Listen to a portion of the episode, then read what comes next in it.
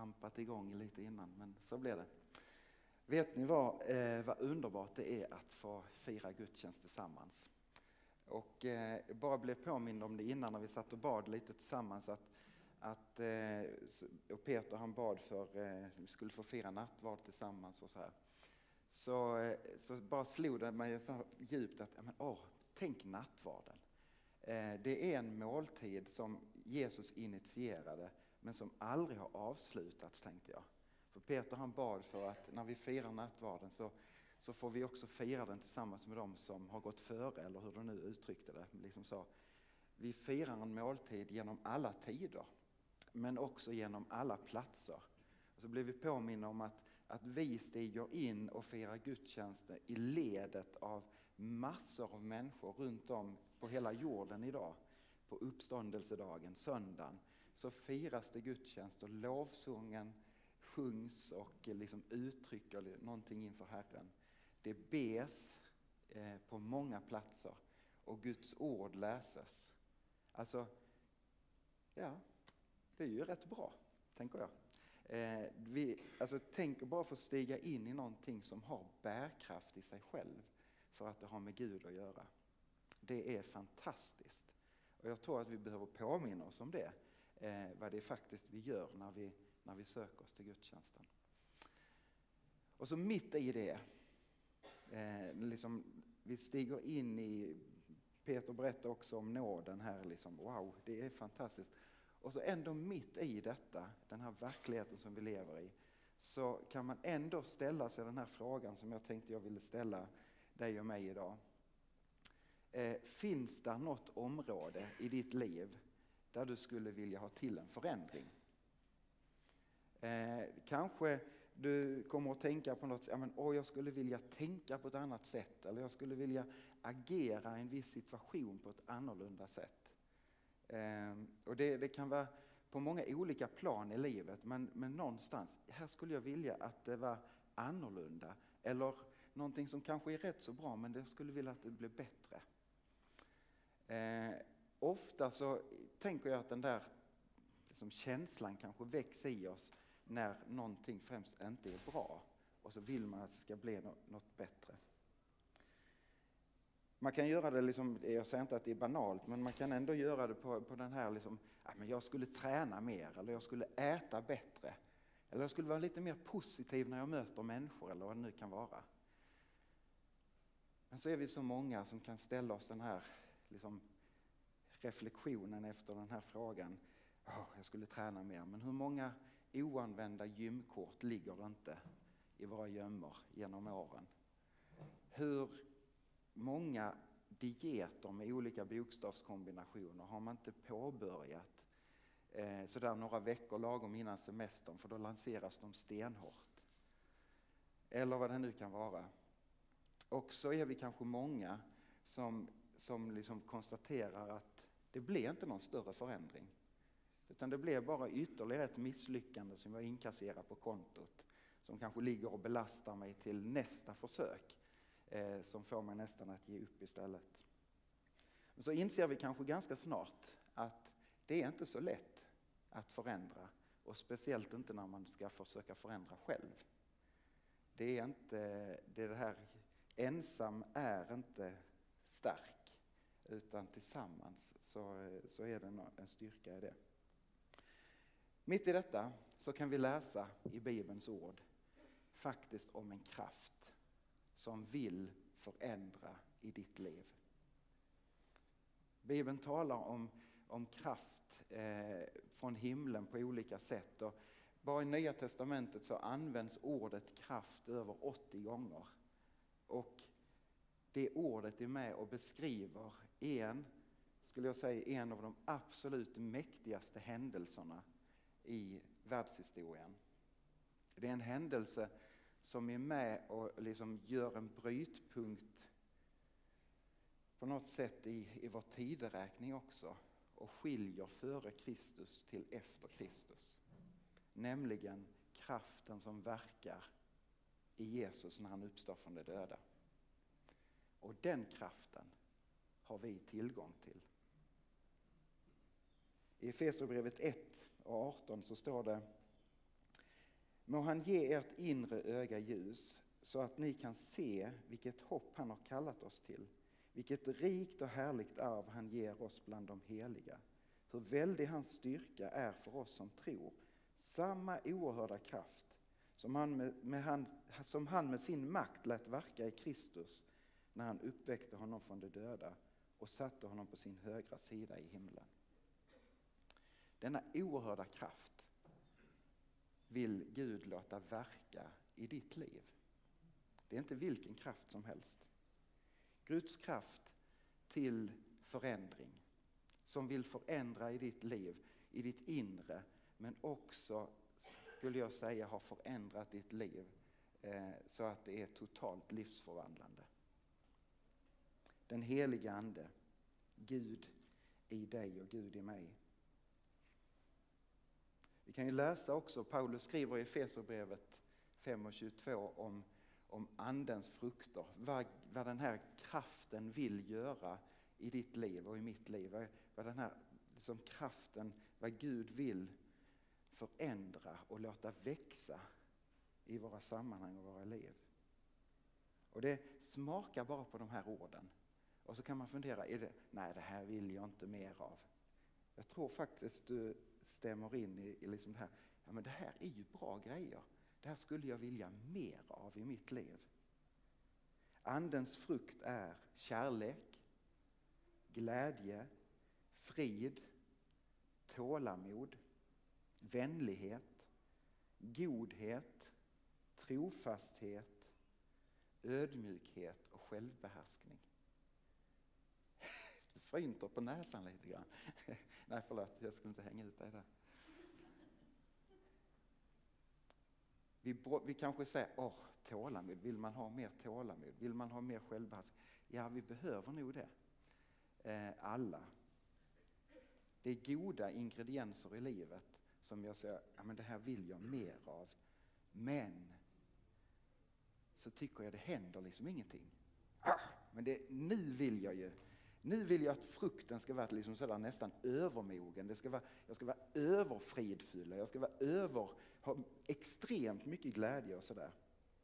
Kan det inte bara liksom lösas nu? Och så lockas man så av den där quickfixen. Är det någon som känner igen sig i det? Tre veckor. Så här får du den perfekta strandkroppen. Helst ska det inte ta en tablett så löser det sig och vi vill inte ge det tid.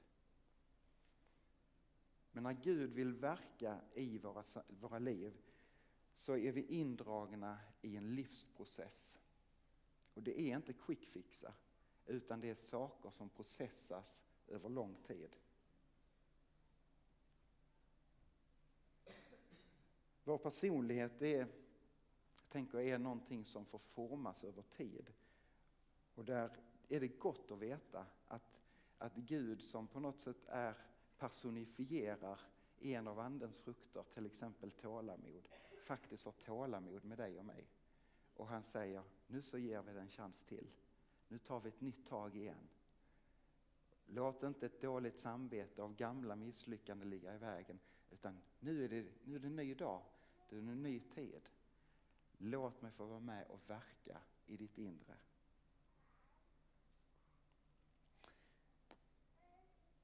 Men även om det är ett Guds verk i dig eh, så funderar jag på, är det ändå inte saker och ting som kan, jag kan hjälpa till så att jag samverkar tillsammans med den heliga Ande?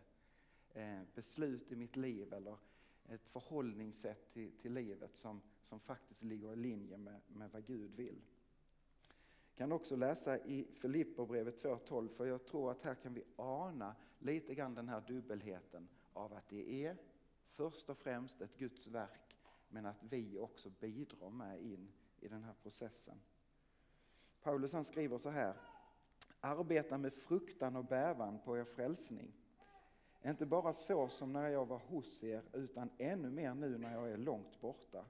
Ty det är ett Gud som verkar i er så att ni både i vilja och gärning förverkligar hans syfte. Det är Gud som verkar i er så att ni kan förverkliga Guds tanke i ditt liv. Men så står det också det här lite obekvämt, arbeta på er frälsning. Mm. Men det är en väldigt, väldigt skillnad på om det står arbeta för er frälsning eller arbeta på er frälsning. Och det står arbeta på. Alltså frälsningen är en Guds gåva, den, den lever vi den bara stiger jag in i. Det är nåd. Du behöver inte arbeta för din frälsning utan den är dig given. Men ändå så står detta lilla strafen, arbeta på din frälsning. Och så kan vi liksom ana att vi faktiskt också får vara med och bidra och inte bara sitta med armarna i kors och tänka nu ska det mogna i mitt liv. Eh, så. Och då kan man ställa sig frågan, vad är det första du kan göra för att samverka med Guds andes verk i, i ditt liv? Jo, det är mycket, mycket, mycket enkelt. Det är att säga, jag vill. Jag vill. Jag vill mer av ditt liv i mitt liv, Gud.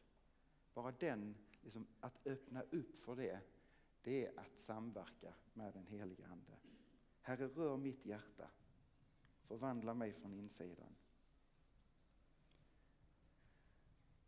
Sen så är det ett verktyg som, eh, som ligger där oss givet, nämligen Guds ord. Nu önskar jag att jag hade min tjocka bibel här, nu har jag skrivit ner bibelcitaten här istället. Tänker er att jag håller den tjocka bibeln. Guds ord. Jag tycker om att använda begreppet Guds ord för det säger just att Gud är en talande Gud och att Bibeln faktiskt är ett ord att lita på. Och, och det, det ordet är inspirerat av, av den anden som också verkar i vårt inre. Paulus skriver i Andra Timoteusbrevet 3 och 16 Varje bok i skriften är inspirerad av Gud och till nytta när man undervisar, vederlägger, vägleder och fostrar till ett rättfärdigt liv. Så att den som tillhör Gud blir fri från sina brister och rustad för alla slags goda gärningar. Guds ord vill inspirera dig till goda gärningar. Och I Hebreerbrevet så står det också om hur Guds ordet verkar. Ty Guds ord är levande och verksamt. Det är skarpare än ett tveeggat svärd och tränger så djupt att det skiljer själ och ande, leder märg och blottlägger hjärtats uppsåt och tankar. Jag tror att vi alla har att vinna på att utsätta oss för Guds ordet. Och detta är ett sätt att utsätta sig för Guds ordet. Försumma inte gudstjänsten. För det kanske är ändå det tillfället som verkligen hjälper oss att tillsammans stanna upp inför Guds ordet. Och sen så får jag också ta hjälp i min, min egna bibelläsning. Med, det finns massor av hjälpmedel i bibelläsningsplaner och på andra sätt. Men där är någonting av att stå i det tillsammans och inte bara leva för sig själv. Guds ordet är verksamt och, och Guds ord kan tala, samma bibelord kan tala på något sätt lite olika in i våra liv beroende på vad vi behöver. Tänker att den helige Ande har sån extremt god precision så att Guds ord kan få tala. Jag håller på att läsa Lennart Albertssons eh, bok och håller, har du inte läst och köpt den så, så uppmuntrar jag dig verkligen att skaffa den. Eh, där han beskriver förlåt nu, ja, jag tar mig friheten, så får man göra när man har skrivit en bok. Ehm, men beskriver eh, ett eh, par tillfällen där gudsordet talade in i hans liv så att det faktiskt fick liksom en stor förändring som jag uppfattar det. Eh, Guds ord är levande och verksamt. Jag älskar det, de vittnesbörden som, som berättar att wow, här talade Gud in och det fick mig att agera på det här sättet. Det fick mig att tänka om. Det fick mig att nyorientera. Låt oss dela de vittnesbörden med varandra. Bibeln lär oss också att det vi tänker väldigt mycket styr våra handlingar. Ehm, jag kommer ihåg, eh, för det är nu rätt så många år sedan, eh, det är så många år sedan på ett konfaläger så att det var Per G Bengtsson och Rebecka Nordén här i, i kyrkan som var med som fritidsledare. Och ganska tidigt på lägret så, så sa vi till varandra att eh, hamnar vi liksom i, i ett dåligt snack eller vi hamnar i, liksom går ner oss för man blir ganska trött på ett läger, då ska vi säga till varandra, byt tanke. Byt tanke. Vi gav oss liksom den rättigheten till varandra att stiga in mitt i en knepig situation. Kunde några stå där liksom och tjabbla lite, bara byt tanke. Just det. Och det, den, det rådet är väl förankrat också i, i bibelordet. Paulus han skriver så här i Romarbrevet 12. Anpassa er inte efter denna världen utan låt er förvandlas genom förnyelsen av era tankar så att ni kan avgöra vad som är Guds vilja, det som är gott, behagar honom och är fullkomligt. Du kan faktiskt aktivt jobba med vad som fyller din tanke. Väljer du att tänka tankar som ligger på något sätt i linje med Guds ord eller, eller skenar din tanke iväg själv? Drar du åt ett annat håll?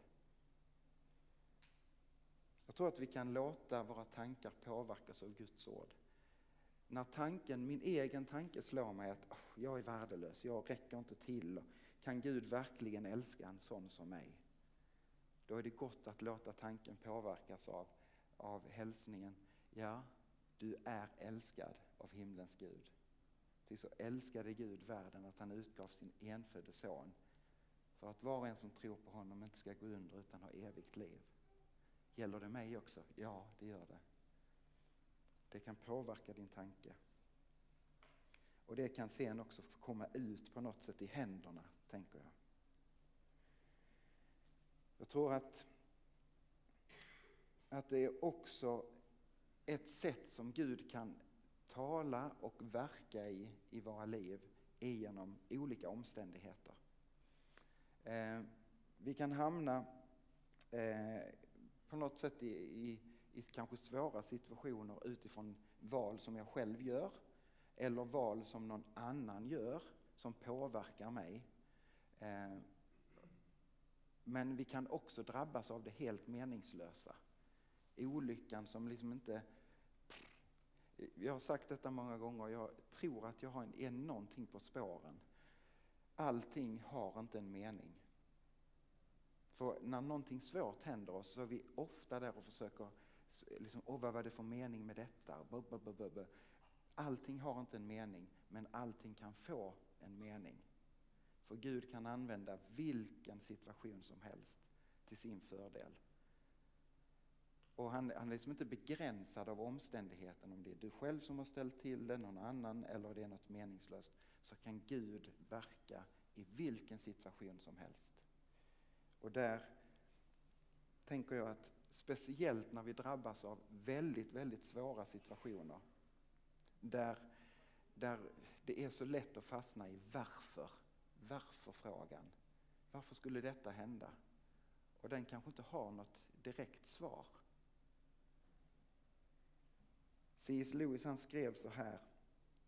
Gud viskar till oss i våra njutningar men han ropar till oss i vår smärta. Och där är nog också en, en sanning i det. Här kan vi samverka med Guds ande, tänker jag. Att be, hjälp mig Gud att inte fastna i varför-frågan. Och, och, när något svårt händer så kan jag redan nu börja vänja min tanke för kanske något som händer om lång tid som, som drabbar jätte, jättehårt.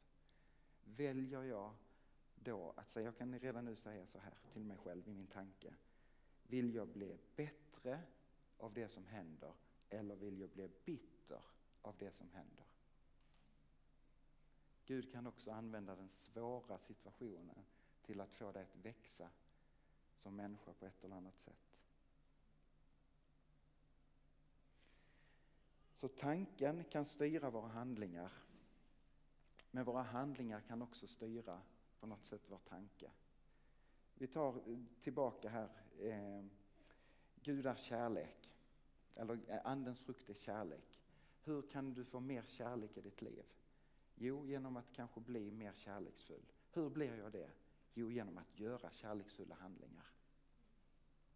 Öva dig att göra, liksom, oh, nu ska jag göra. Du kan gå den här veckan och fundera på hur kan jag bli, göra en mer kärleksfull handling i, på mitt jobb denna veckan eller var du nu befinner dig.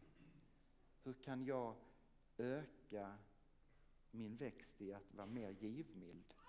Är det något som händer i veckan som jag kan liksom, nu väljer jag att göra detta fast jag kanske inte direkt hade tänkt göra det.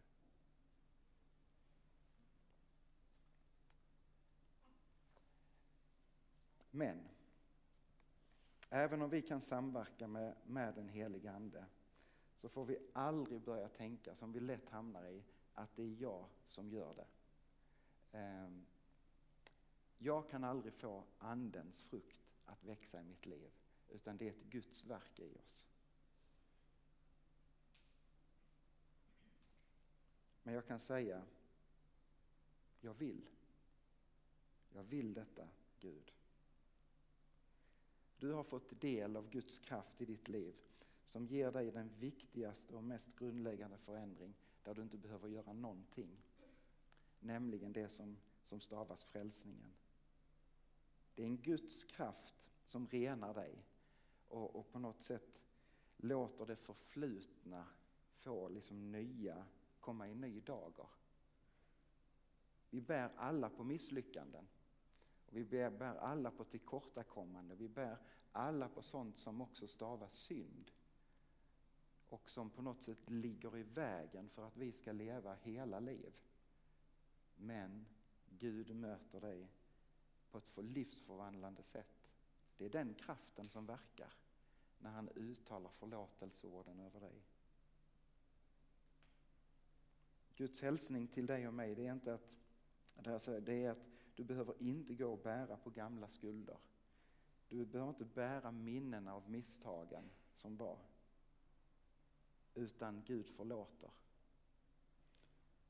I Kolosserbrevet 2 så skriver Paulus Om ni som var döda genom era överträdelser och ert oomskurna tillstånd er har Gud gjort levande tillsammans med Kristus i och med att han förlät oss alla våra överträdelser och drog ett streck över det skuldbrev som belastar oss med lagens krav. Han har utplånat det genom att spika det på korset. Jesus Kristus vet vilka fel vi har gjort. Men han kom inte för att stryka fast det på våra liv utan han kom för att stryka över det så det inte skulle vara kvar i ditt liv. Han kom inte för att döma utan han kom för att förvandla. Så när vi ber vår syndabekännelse, när vi vänder våra liv till honom, precis som, som de, de är. Vi behöver inte förställa oss där, utan vi kan komma precis som vi är. Så låter Gud den kraft verka i dig som förvandlar till renhet. Han möter med sin livsförvandlande förlåtelse och så säger han till dig, du är heliggjord. Du är rättfärdiggjord. Du räknas till de heliga. Du är ett helt människobarn. Min älskade son och min älskade dotter. Så därför så kan vi med glädje och frimodighet stämma in i syndabekännelsen oavsett vad vi bär oss med in i den. Så inför den pågående måltiden så ber vi och bekänner tillsammans.